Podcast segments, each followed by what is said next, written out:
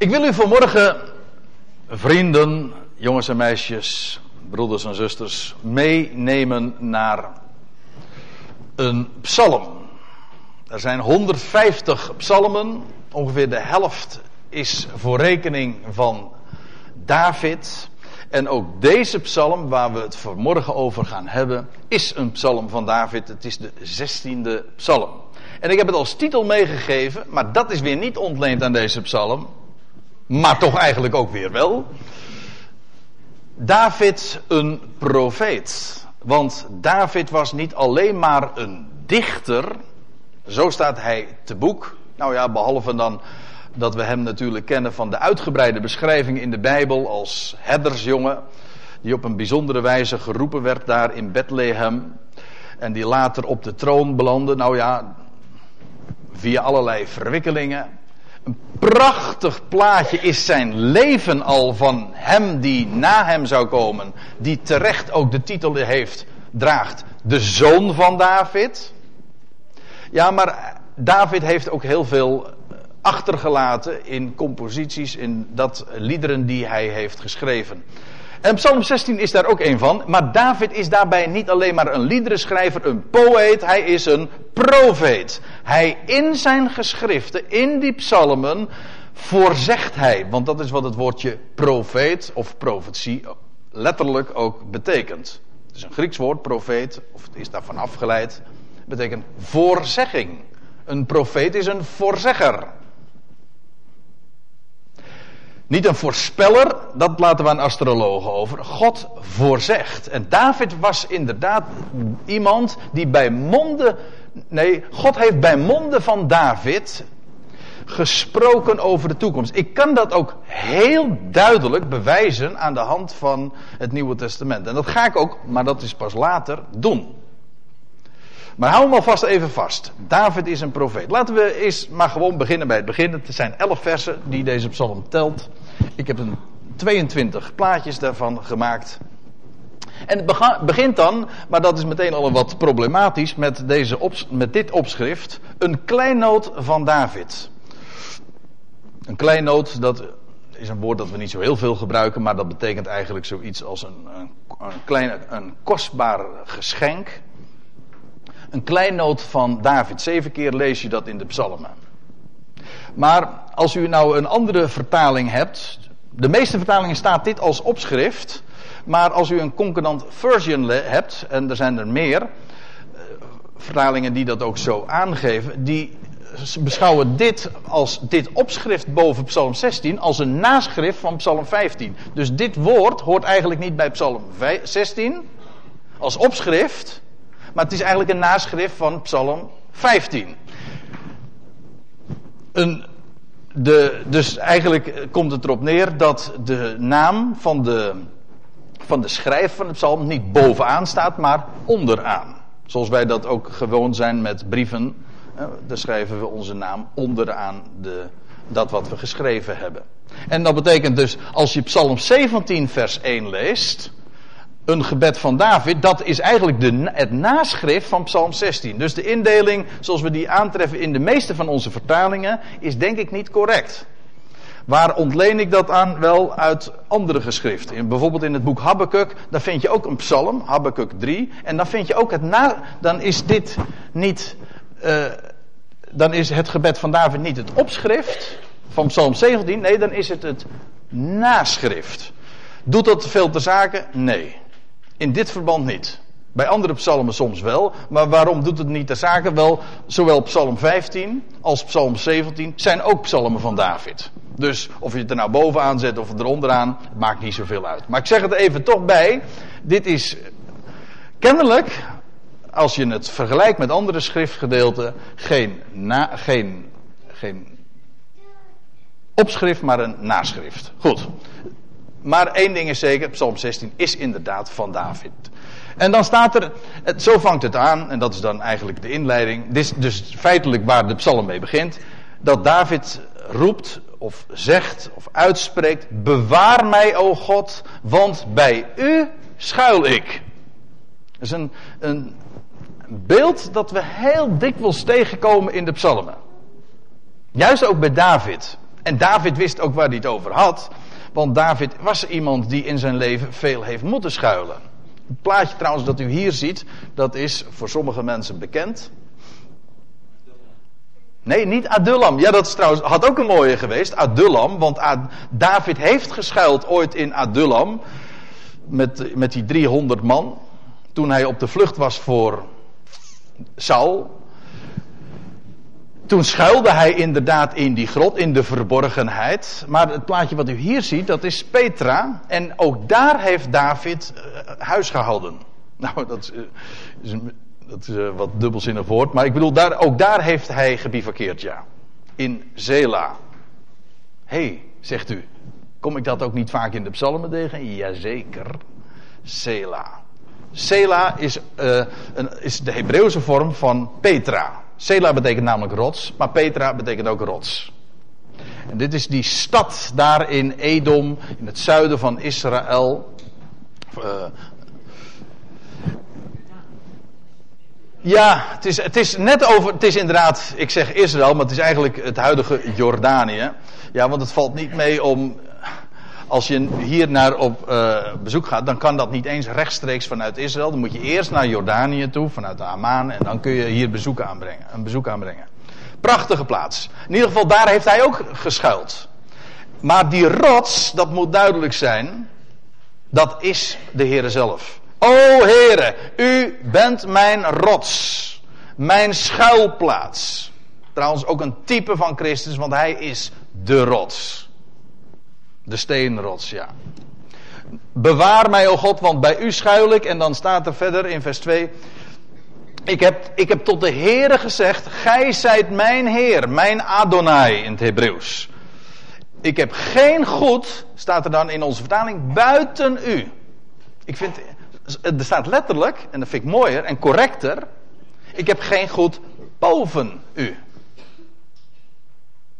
Natuurlijk hebben wij veel goede dingen die we van God krijgen. Maar er is, David zegt hier, ik, er is geen goed dat uitgaat boven u.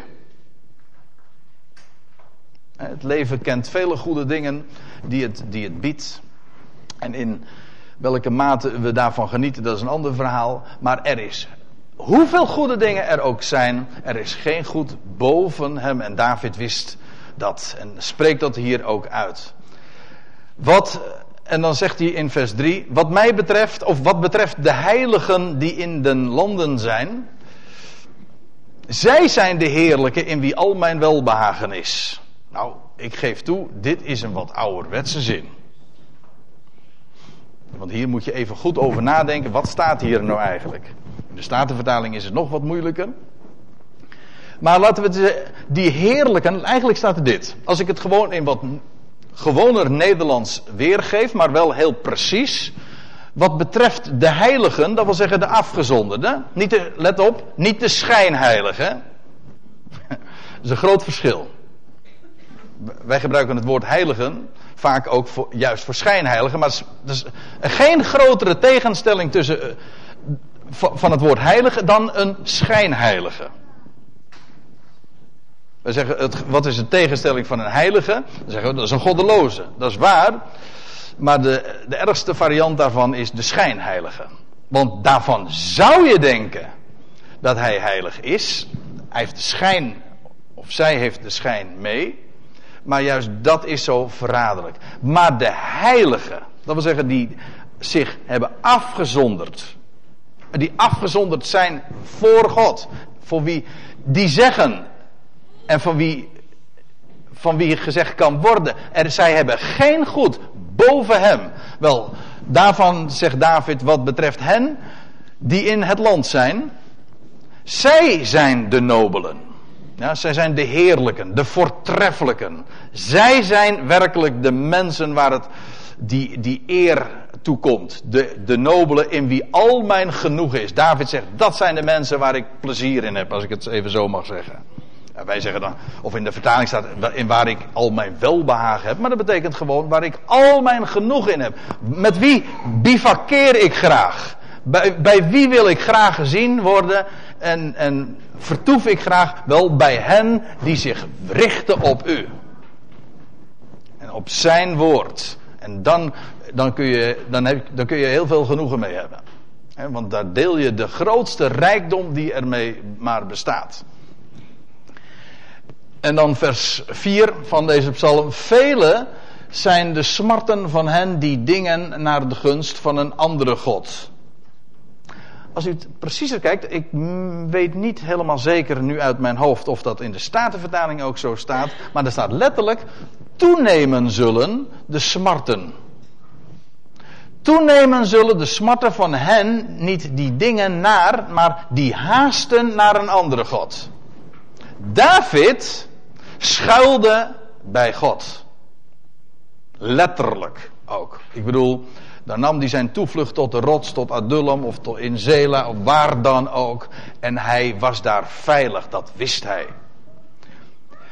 Maar hij zegt, degene die hun toevlucht nemen, die haasten naar een andere God, wel, zij, hen overkomt slechts smarten. Er is er namelijk maar één bij wie je veilig bent. Ik zal, en dan hij, hij, omschrijft die mensen ook, hij beschrijft ze. Hij zegt: Ik zal hun plengoffers van bloed niet plengen. Dan moet u even één ding weten. In de Bijbel vind je vele soorten offers. Hè?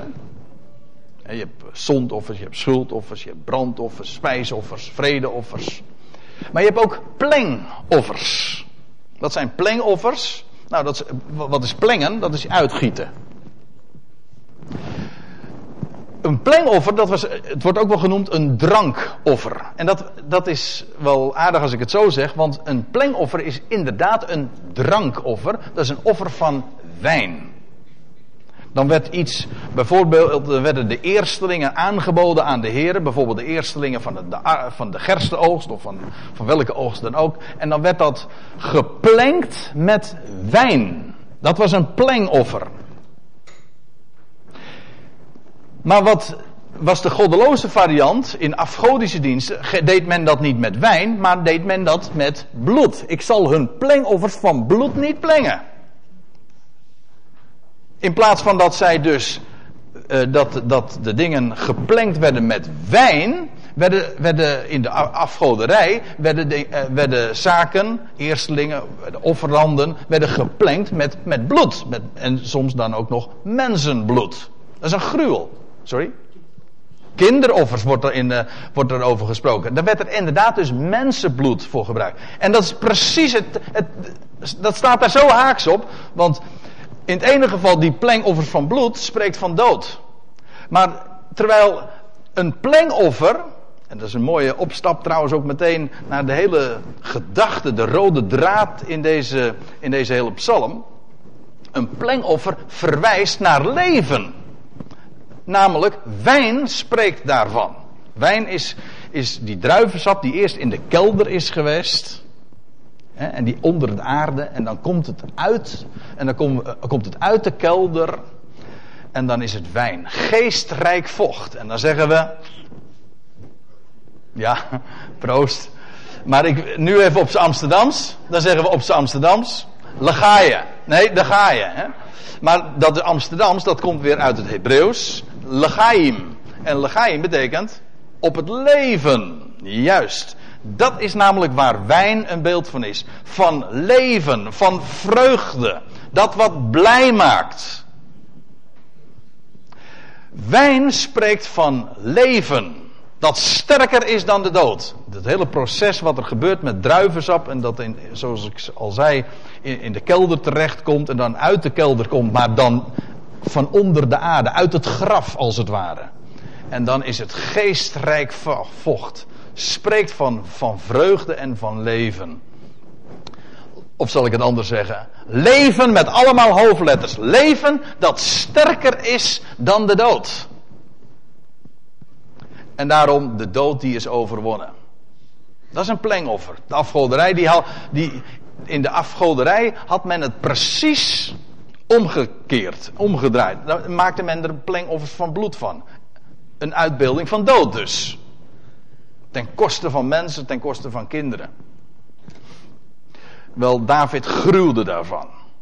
David heeft ongetwijfeld, hij was een profeet, ik ga het straks nog aantonen, maar David was een profeet. David wist natuurlijk ook wel waar plengoffers van spreken. En daarom gruwde hij van de gedachte dat men plengoffers van bloed zou uh, maken en zo zou plengen. Zelfs hun namen, dat wil zeggen, het gaat hier over de namen van die goden, zal ik niet op mijn lippen nemen. Hij wilde er niets mee te maken hebben. Hij zegt, ik, ik, ik, ik verdraag het niet eens om, om dat allemaal uit te spreken. Er was maar één naam die hij op zijn lippen nam. Zelfs hun namen op mijn lippen zal ik niet nemen. O Heere, zegt hij dan, mijn erfdeel en mijn beker. En als we het nou toch hebben over plengoffers en over wijn, vind ik dit wel een hele mooie gedachte. Want dan, daar kom je op. En als we nou honderd psalmen verder gaan, ja, dan kom je in psalm 116. En dan vind je een hele mooie. Die, die wil ik u niet onthouden deze morgen. Dan vind je deze vraag. Psalm 116, vers 12. Hoe zal ik de Heere vergelden al zijn weldaden jegens mij? Dat wil zeggen, wat zal ik nou de Heer terugdoen en teruggeven, vergelden? Hè? Al zijn weldaden jegens, jegens mij. Alles wat hij goed doet aan mij en mij gegeven heeft. Hoe zou je de Heer iets terug kunnen geven? Gaan werken. Je best doen. Ik ga me heiligen. Weet je wat, weet je wat wat, mm, nou, nou weet ik even niet zeker of Psalm 116 ook van David is, maar weet u wat de psalmist zegt? Hij zegt dit. De beker der verlossing zal ik opheffen. Zo, dat is mooi. Hoe zal je nou de Heer vergelden? Voor al zijn weldaden die hij geeft. Weet je wat je dan doet? Dan hef je de beker op van de verlossing. En dan zeg je inderdaad, op het leven. Er is geen grotere eer die je God kan bewijzen dan Hem te danken voor wat Hij geeft. En, het, en de beker op te heffen en zeggen van, op het leven, de beker heffen. De beker namelijk van de verlossing. En Hij is degene de, die de verlossing geeft. Sterker, Hij is de verlosser. O Heere, mijn erfdeel en mijn beker. En dan uh, vervolgens in vers 5. Gij zelf bestendigt wat het lot mij toewees. Dat was dat, dat bestendigen. Wat is dat? Gij zelf uh, garandeert. Ik weet even niet een woord wat precies daarop aansluit. Maar gij zelf zal, uh, zorgt ervoor dat het waar is wat het lot mij toewees. U weet, in de Bijbel werd bijvoorbeeld in de. In het, het land werd verdeeld bij lot. Dat was door loting. Toen Israël in het land arriveerde, in het beloofde land, toen kregen de families allemaal een erfdeel toegewezen. Hoe werd dat toegewezen? Door het lot. En dat is mooi, want, dan want het lot, dat is, dat is mooi. Zoals wij dat trouwens ook uh, daarover spreken. Van het, het lot is mij toegeworpen. Of wat is jouw lot in het leven? We, zeggen, we drukken daar feitelijk mee uit van daar hebben we geen invloed op. Als iets, dat is juist het hele idee bij loting. Hè? Dan wordt, of bij de loterij. En dan gaan er vallen, vallen er balletjes. En, ja, je hebt een lot getrokken. En hoe zal het, hoe zal het vallen? Is het voor mij? Een mens heeft er geen enkele invloed op. Dat is juist het hele idee. In de Bijbel is, is loting geen spelletje. Nee, is, is geen bittere, maar het is ernst. Het hele idee bij loting is namelijk. Een mens kan daar geen enkele invloed op uitoefenen. Dat weten we allemaal. Was het maar zo, hè, denk, denkt u dan. Kon je maar bij de loting wel invloed uitoefenen. Maar dat is, dat is dan manipulatie. Maar bij loting kan dat juist niet. Maar juist omdat de mens daar met zijn tengels niet bij kan en daar niet geen invloed op kan uitoefenen, is er maar één die dat bepaalt. In het boek Spreuken staat dat heel mooi. Spreuken 16, vers 33. Daar staat: Het lot wordt in de schoot geworpen. Dat wil zeggen, dat krijg je zomaar toebedeeld. Dat wat je lot is. En de belangrijkste dingen in het leven, dat is lot. Dat wil zeggen, heb je niet voor gekozen. Het louter feit dat, u, dat, u, dat wij er zijn, is lot. Heb u, er is nooit aan u gevraagd of u er wilde zijn, of u geboren wilde worden. En of je in een rijk, of je in een rijk huis uh, geboren zou worden, of in een arm huis, of in welk werelddeel. Of dat je met een gezonde body, of juist met een ziekelijk lichaam. Of je met een goed stel hersens, of met een minder goed stel hersens geboren. Het is allemaal lot. Het is je toegeworpen. En soms zijn we er blij mee, soms zijn we er niet blij mee, maar laat ik u dit, dit vertellen. Het lot wordt in de schoot geworpen. Dat wil zeggen, je krijgt het zomaar toebedeeld. Maar elke beslissing daarvan is van de Heer. Er is er één die alles beschikt. Hij is namelijk God. Dus ook het lot. En ik geloof dat aangezien dat zo is, dat we dus ook, ook God kunnen danken voor het lot dat hij ons toebedeelt. Dat hij in onze schoot werpt. Ook al zeg je van nou, daar ben ik niet blij mee. Maar ik geloof werkelijk in right time, right place. God is degene die alles, maar hij heeft het overzicht, wij mensen niet. Daarom kunnen wij dat ook niet beoordelen. Wij, wij denken over ons lot, oh, dat is goed of dat is niet goed. Maar daar hebben we geen idee van. We kunnen het namelijk niet het, het grote geheel overzien. Daar is er slechts één. Hij is God.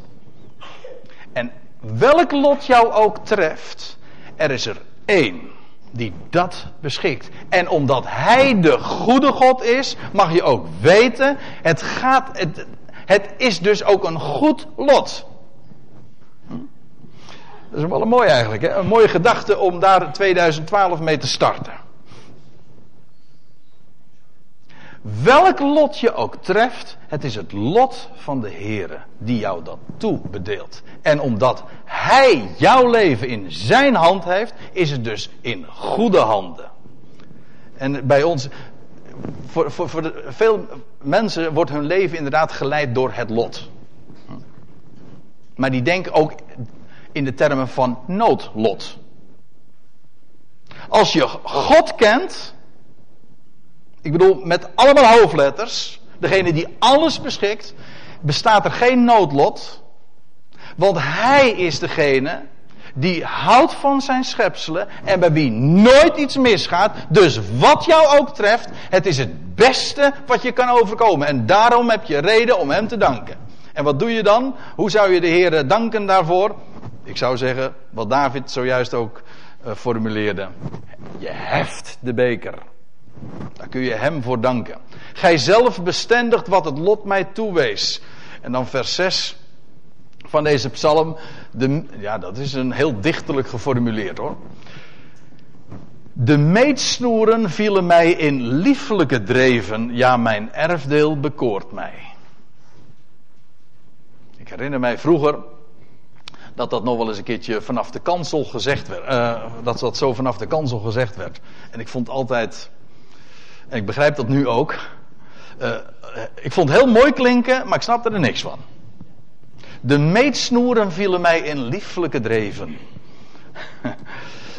Als je trouwens helemaal compleet zegt, dan begrijp je het wel. Want weet u, dit is het Hebreeuws, de Hebreeuwse rijm of dichtkunst kent, wordt vooral gekenmerkt door parallelisme. Dat wil zeggen, twee zinnen die volgen elkaar op en die lopen parallel aan elkaar. De ene zin verklaart de andere. De meetsnoeren komt hier overeen met het erfdeel. En in liefelijke dreven, dat komt overeen met dat bekoort mij. Die meetsnoeren hebben namelijk te maken met het erfdeel als jij een erfdeel kreeg toege, toege hoe zeg je dat? Toege, toebedeeld, ja, zo, dank u wel. Dan, dan werd dat gemeten. Hè? Een erfdeel werd gemeten. De meetsnoeren vielen mij in lieflijke dreven. Wat betekent dat wel? Dat erfdeel, dat bekoort mij. Dat is goed wat Hij mij geeft en heeft gegeven. En nou komen we, want ik moet verder gaan, want het gaat mij om dat tweede deel van deze psalm. En daar zijn we nu in gearriveerd in vers 7 van deze psalm. En dan blijkt dat wat de psalmist hier formuleert, inderdaad de woorden zijn van David, maar feitelijk zijn het de woorden van de zoon van David, die duizend jaar later pas geboren zou worden. En dan, begint dat met, dit tweede deel van de psalm vangt dan aan met, ik prijs de Heere die mij raad heeft gegeven.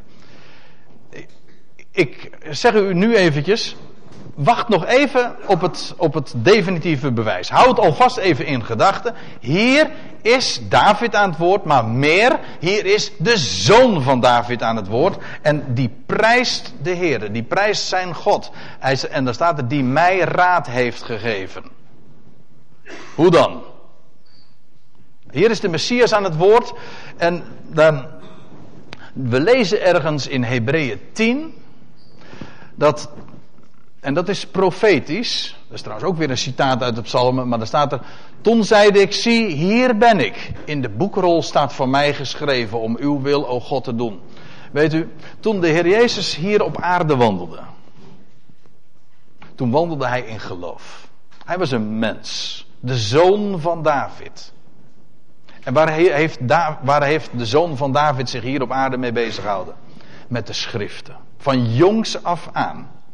Het enige wat wij eigenlijk van Jezus' jeugd weten, is dat hij zich bezig hield met de dingen van zijn vader. En toen was hij een paar dagen zoek, weet u, en toen was hij in de tempel, waar, en waar had hij het over? Hij sprak over de schriften. En daar was hij op twaalfjarige leeftijd al zo mee vertrouwd, dat zelfs die leermeesters, die rabbies daar in de tempel, met open ogen stonden te kijken wat hij allemaal te vertellen had. Want de Heer Jezus heeft in zijn leven zich bezig gehouden met de schriften. Hij wist als geen ander dat die schriften het woord van God zijn. Levende orakels van Hem. En hij heeft zich daarmee bezig gehouden, zich in verdiept. En hij heeft daar zoveel geheimen ook in ontdekt. Want het is niet alleen de oppervlakte, dat wat het gewoon direct zegt, maar ook wat er allemaal onder schuil gaat. Het, is, het zijn gewoon schatkamers in de schriften. En de Heer Jezus heeft in zijn leven ontdekt. Sommige mensen denken van dat hij allemaal stemmen eh, van boven kreeg of zo. Ik geloof er niks van. David, of de zoon van David, die leefde in geloof. Hij kende de schriften. En hij heeft in de schriften ontdekt wie hij was. Namelijk de zoon van David. Ja, wat zeg ik? De zoon Gods. Het stond trouwens ook al in. Het stond allemaal in de, in de psalmen en in de, in de Tenach, in de Hebreeuwse Bijbel opgetekend. En toen heeft hij gezegd. Hij wist op grond van wat er in de Hebreeuwse Bijbel, ons Oude Testament, op grond van wat daar stond geschreven, ik heb een taak, ik heb een missie. En dan, dan zegt hij tegen God, hier ben ik hier, in de boekrol staat van mij geschreven. Hier ben ik om uw wil te doen. En toen heeft hij zich inderdaad opgeofferd. Toen is hij niet weggegaan. Dat is zo'n aangrijpend, ook een hele verheven gedachte om eraan te denken dat de Heer Jezus op aarde zichzelf ontdekt heeft in de schriften. Hoe wist hij dat hij de Messias was? Hoe wist hij wat hij hem te doen wat hem te doen stond. Dat wist hij omdat er in de boekrol van hem geschreven stond. En toen heeft hij zich opgeofferd en zei: Heer ben ik hier, om uw wil te doen. De Heer heeft mij raad gegeven. Hoe dan? Wel, via het woord. Zelfs bij nacht staat er dan: onderwijzen mij mijn nieren. Van de Heer Jezus lezen we ook dat hij s'nachts. Uh, Juist vanmorgen heb ik het nog even gelezen. Ergens in Lucas staat er, uh, als, in, dat is inmiddels in de laatste week, vlak voor zijn sterven. Dan lees je dat hij overdag onderwees in de tempel. En dan lees je, en des nachts ging hij naar de olijfberg. En dan staat er om te bidden.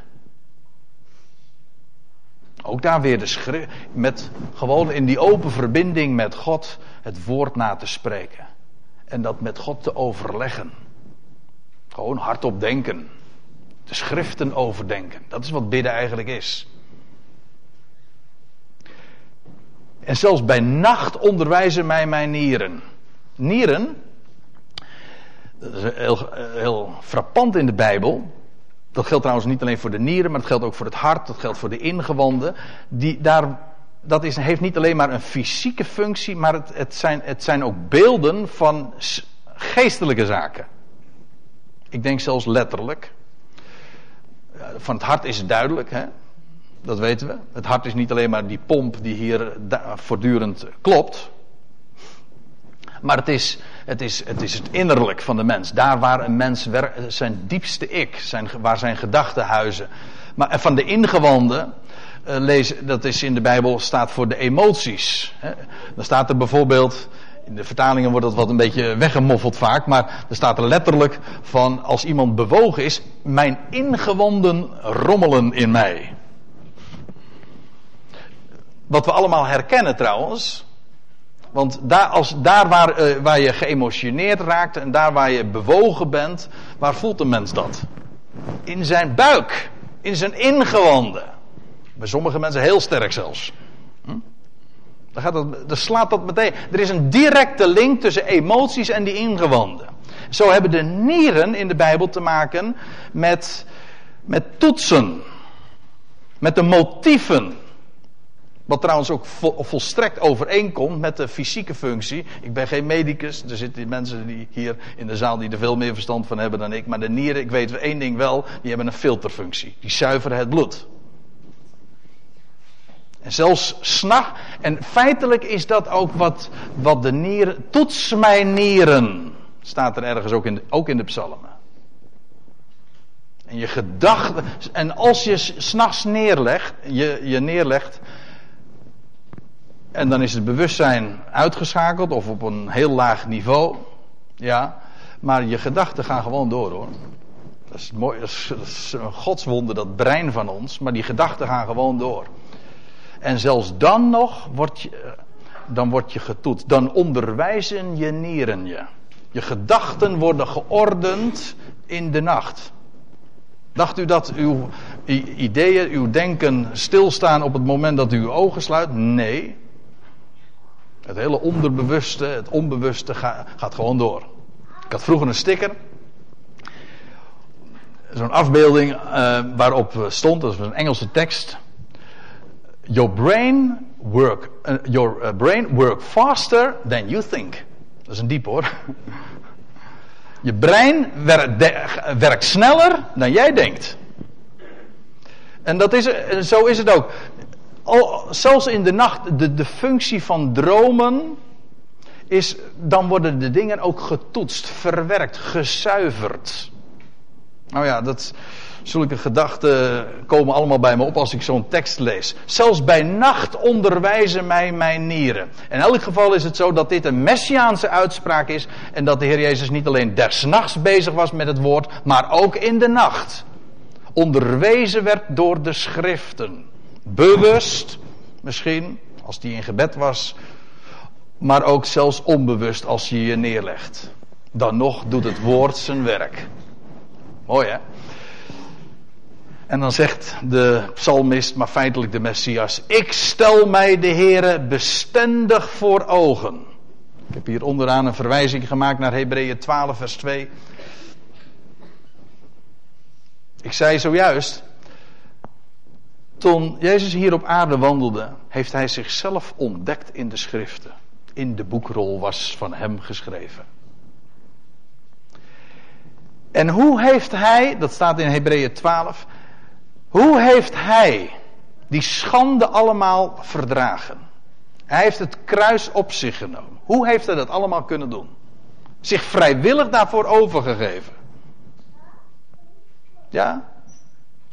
Want u weet hoe het ging toen in de tuin van Gethsemane. Dat daar een hele legermacht van soldaten was uitgerukt om hem gevangen te nemen. En als hij op het moment dat je leest het in het Johannes-evangelie, dat hij zegt, ik ben het, dan, dan vallen ze allemaal op hun aangezicht. Zo indrukwekkend was het. En dan lees je ook dat de Heer zich gewoon ter beschikking stelt. Pak me, vang mij maar. Of bind mij maar en neem mij maar gevangen. En dan wordt hij weggeleid. Hij heeft zich letterlijk opgeofferd. Maar hoe heeft hij dat kunnen doen? Nou, er staat in Hebreeën 12. Hij heeft de schande niet geacht. Hij heeft het kruis opgenomen. Weet u waarom? Omdat hij zag op de vreugde welke hem was voorgesteld. Waar voorgesteld? Nou, in diezelfde boekrol waar we het over hadden, waarvan, waarin hij zichzelf had ontdekt. Hij wist welke weg hij moest gaan. Inderdaad, veracht worden door het volk. Hij moest verworpen worden, zelfs gekruisigd worden. Hij wist dat. Stond ook in de psalmen, wist u dat? In Psalm 22, dat zij zijn handen en voeten zouden worden doorboord. De Heer wist wat hem, te, wat hem te doen stond en wat hem zou overkomen. Maar hij wist ook wat er zou volgen. Hij zou sterven aan, een kruis van, aan, aan het kruis van Golgotha.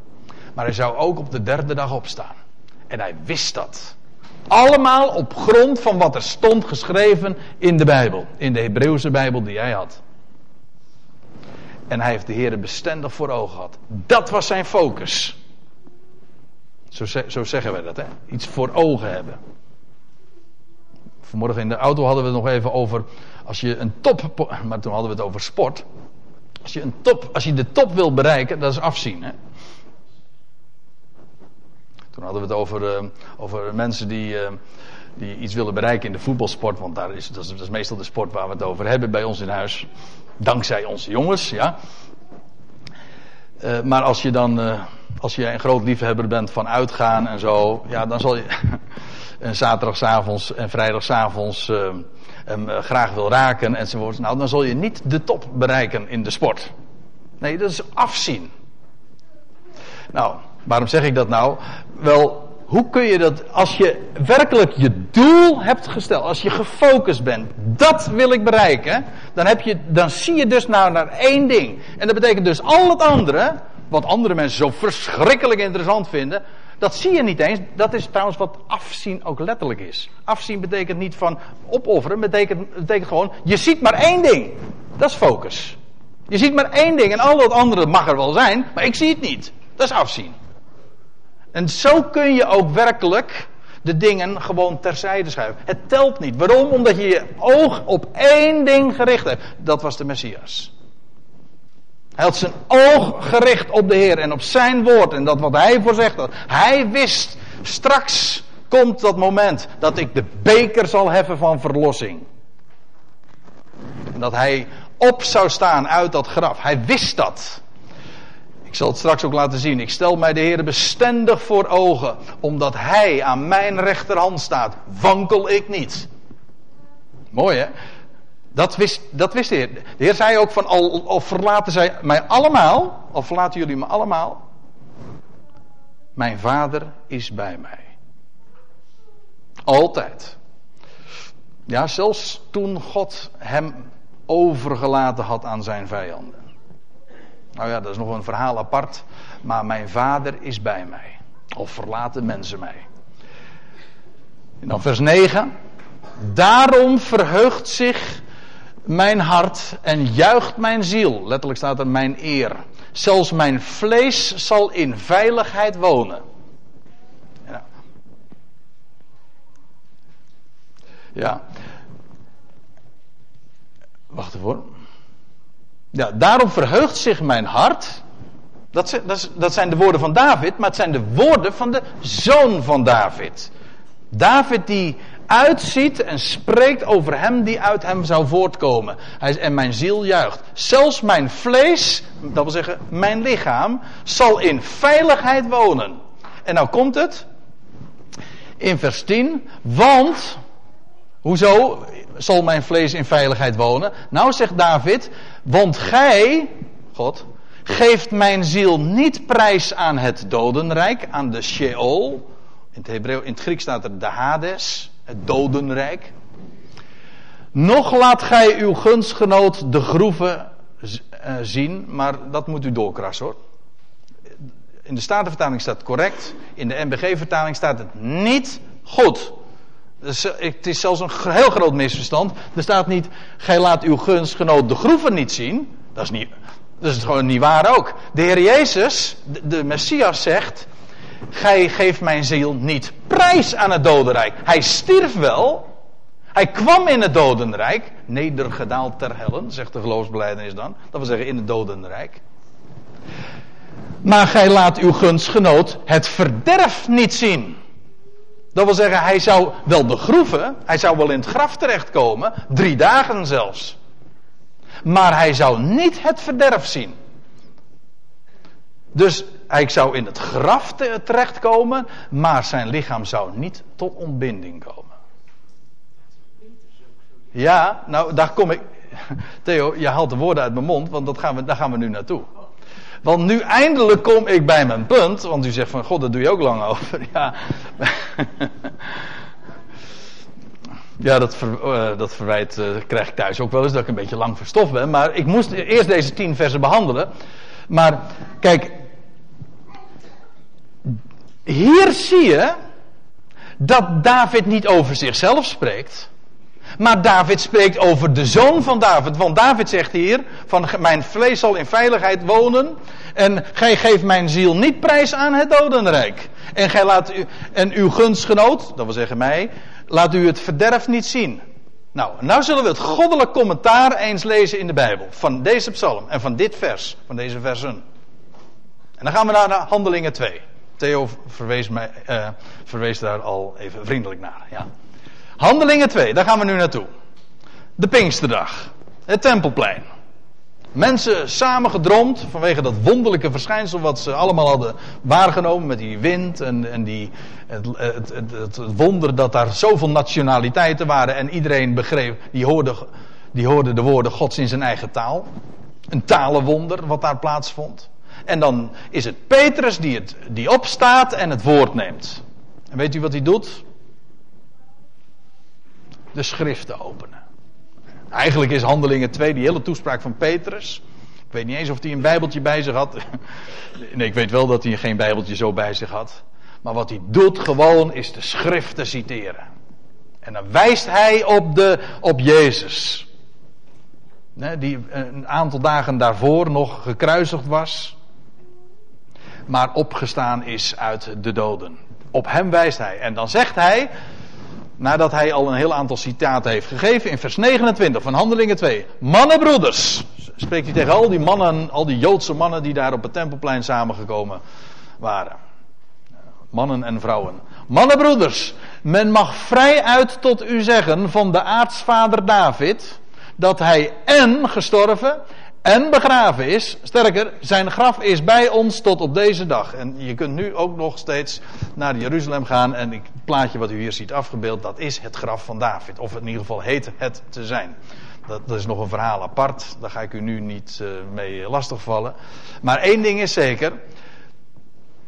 Dat is, David, dat is wat Petrus hier dus zegt.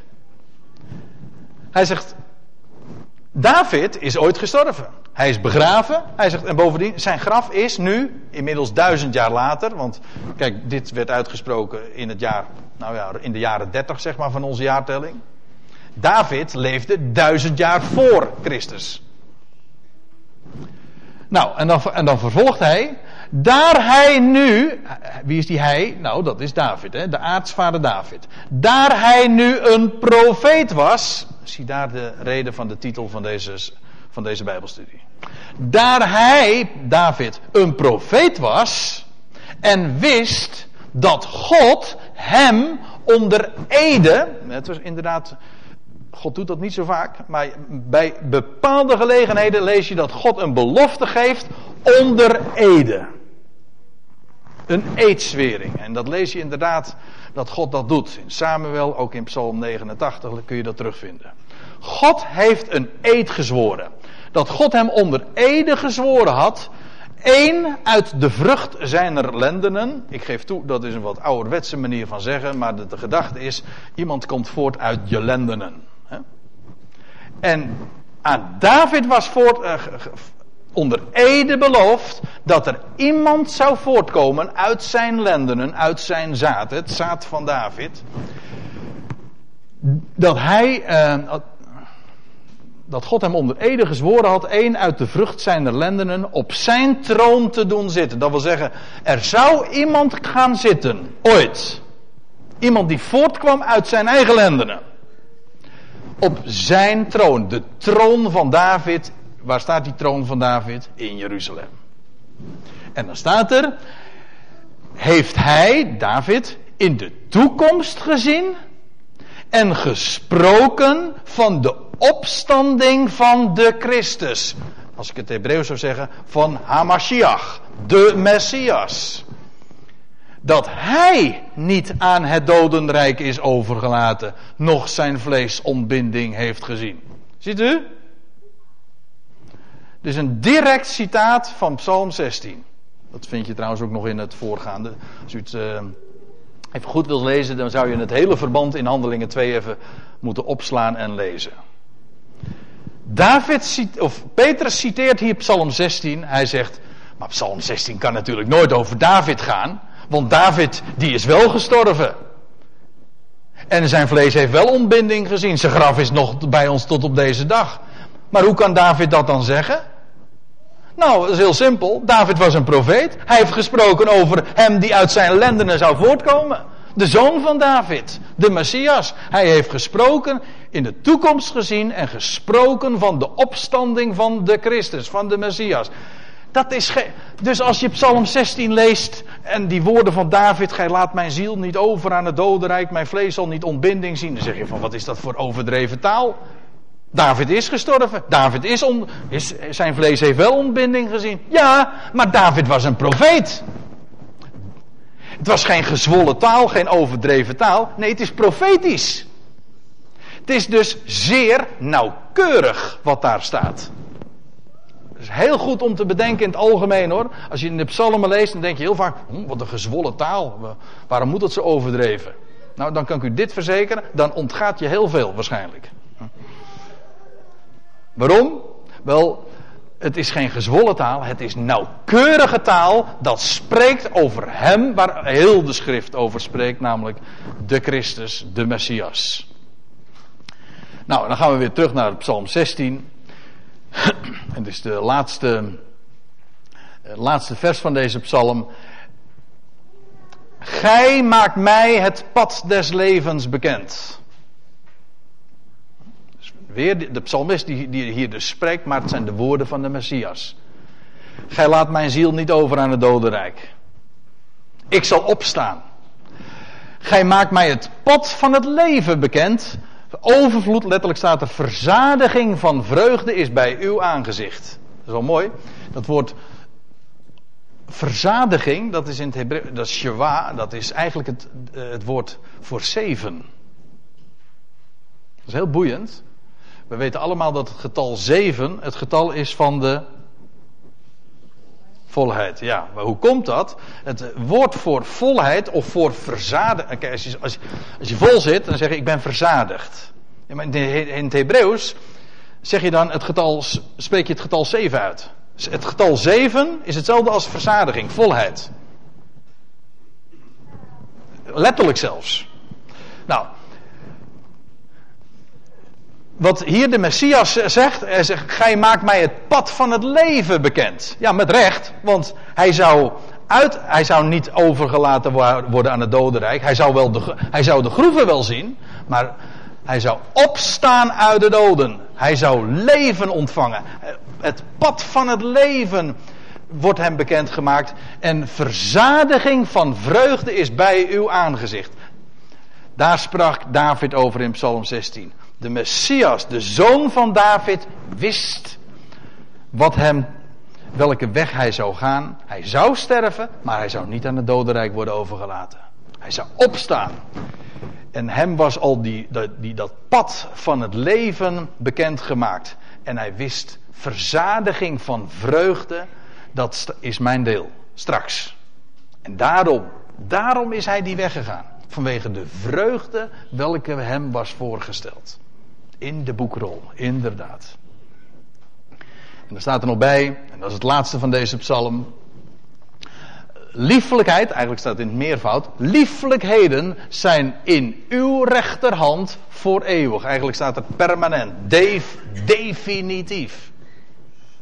En zo zie je dat deze woorden die David ooit optekende als dichter, maar wat zeg ik, als profeet, zo nauwkeurig zijn uitgekomen in de zoon van David. Want hij is inderdaad niet aan het dodenrijk overgelaten. Hij stond op daaruit.